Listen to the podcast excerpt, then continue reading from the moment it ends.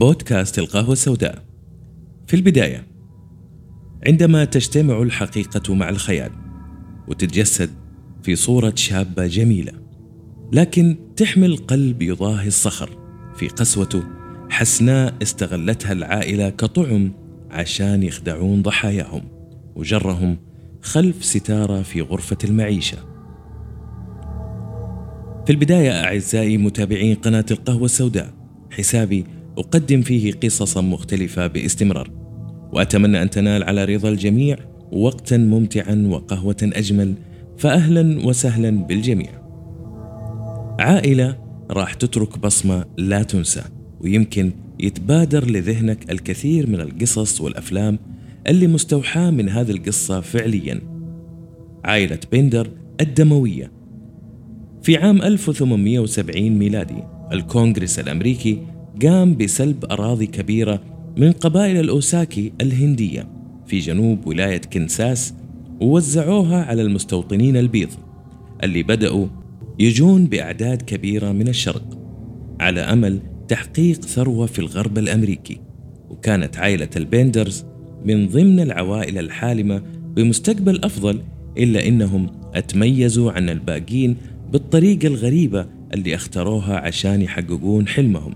عملت العائلة كوخ خشبي على طريق بين مدينة ثاير وكاليسبيرغ.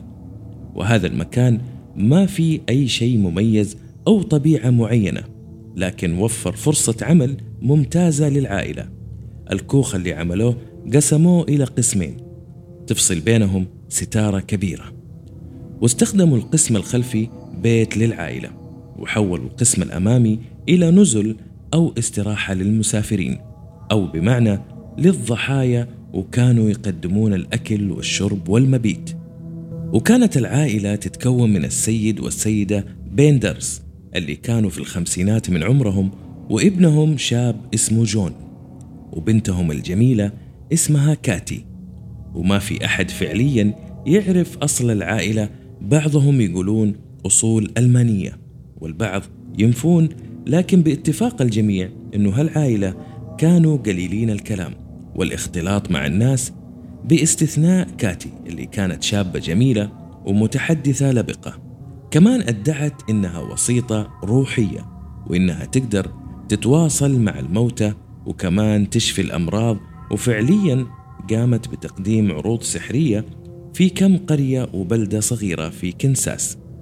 وهذا الشيء حاز على إعجاب كثير من الناس وبالذات الرجال. وبالتدريج بعض هذول المعجبين صاروا يترددون على كوخ العائلة عشان يشوفونها لكن مثلهم مثل الكثير من المسافرين اللي يتناولوا العشاء ويختفون بعدها ولا أحد يقدر يشوفهم مرة ثانية.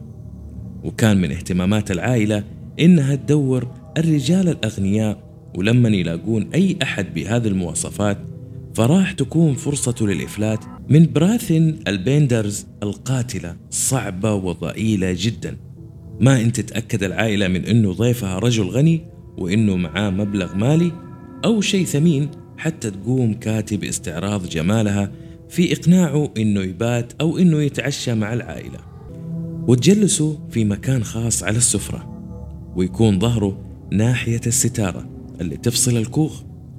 ووقت تقديم كاتي الأكل للضيف واستغفاله بكلام ونظرات واعدة يكون السيد بيندر أو ولده واقف ورا الستارة.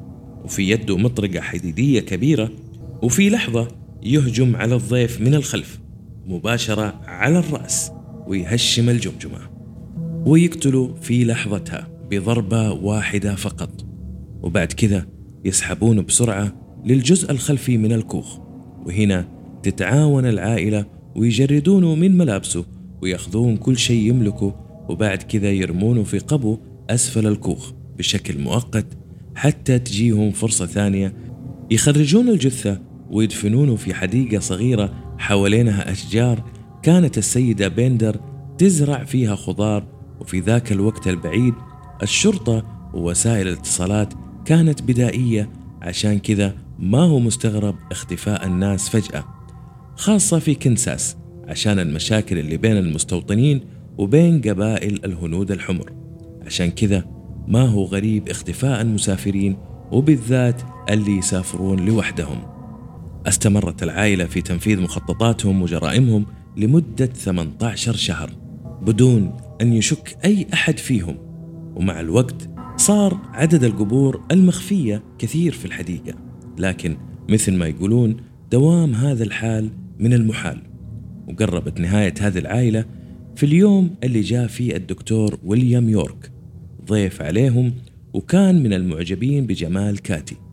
وما كانت المرة الأولى اللي يقضي ليلة في نزل العائلة إلا إنها كانت المرة الأخيرة. العائلة قامت بقتله في صيف سنة 1873 ميلادي وقامت بدفن جثته في اليوم الثاني. في الحديقة ولسوء حظ العائلة. اللي قتلوه هذا يصير شقيق ضابط برتبة كولونيل في الجيش الأمريكي وكان الضحية وقتها قال لأخوه إنه راح ينام ليلة في نزل آل بيندر. وبعد كذا وبعد إنه تأخر أخوه عليه قرر الكولونيل يورك يدور عن أخوه إلى إن وصل باب الكوخ ويدق عليهم عشان يسأل عن أخوه إلا إنه العائلة قالت إنها ما شافته وإنه ما نام عندهم ليلة وإنه يمكن أتعرض لهجوم الهنود الحمر وتقريبا يعتبر احتمال أقرب للتصديق في نظر الكولونيل. لكنه ما غادر المكان عشان الوقت متأخر فقرر إنه يتعشى عندهم وينام ليلة. وفي ذيك الليلة وبعد ما اتعشى فضل جالس لوحده في القسم الأمامي من الكوخ وفجأة لمح بعينه شيء يلمع تحت واحد من الأسرة الموجودة. وقام والتقط هذا الشيء وطلع ميدالية ولما انفتحها شاف داخلها صورة زوجة أخوه المفقود وبنته. هنا تأكد بأن هذه العائلة كانوا يكذبون عليه وإن أخوه فعلا كان هنا ويمكن يكون أتعرض لأذى وخوف من ملاقاة نفس مصير أخوه قام بالخروج من الكوخ بهدوء وحذر وزحف باتجاه الاسطبل وأخذ الخيل اللي جاء فيها وهرب بأسرع ما عنده. باتجاه مدينة تاير وراح مباشرة لمكتب الشريف. وفي الصباح اليوم الثاني رجع ومعاه الشريف وعدد من الرجال للكوخ. والمفاجأة إنه كان الكوخ فاضي تماما. والظاهر أنه العائلة حست بالخطر بعد اختفاء الكولونيل. المفاجئ في الليل من عندهم. عشان كذا جمعوا أغراضهم وهربوا في الليل. وهنا بدأوا في البحث في المكان. وداخل الكوخ وأثناء البحث لاحظ واحد من الرجال حفر وأكوام تراب من منظرها محفورة في وقت قريب. قاموا ونبشوا هذه الحفر وخرجت أول جثث الضحايا وكانت جثة الدكتور ويليام يورك. وبعدها اكتشفوا كثير من الجثث وما جاء عليهم المساء كانوا قد خرجوا أكثر من عشرين جثة. ولقوا كمان عدد مطارق معدنية كانت العائلة تستخدمها في جرائمها وبدأت على وجه السرعة حملة كبيرة عشان يدورون على هذه العائلة. مجموعة من الخيالة فتشت المقاطعة شبر شبر لكن ما كان فيه فايدة لأنه اللي واضح إنه العائلة اختفت كليا وما أحد شافهم بعد كذا أبدا. اختلفت الآراء والقصص حول مصيرهم وفي منها تقول إنه مجموعة خيالة اللي كانوا يطاردون العائلة مسكوهم قريب من حدود الولاية وقرروا تطبيق القانون بنفسهم. قاموا بقتل أفراد العائلة كلهم بالرصاص. باستثناء كاتي قاموا بدفنها وهي حية لأنها كانت في نظرهم هي المحرك والمخطط الرئيسي لكل الجرائم. وبعد كذا أتعاهدوا بينهم. إن ما يعلمون أحد باللي سووه إلا إنه هذه القصة وغيرها من القصص ما في إثبات لصحتها تماما. وفضل اختفاء العائلة لغز حير الناس عقود طويلة. وتم خلالها القبض على كثير من النساء للاشتباء فيهم إنهم ممكن يكون أحد فيهم كاتي إلا أنه التهمة ما ثبتت على أحد. كمان ما هو معروف عدد الضحايا للعائلة واللي حصلوهم عشرين جثة في الحديقة.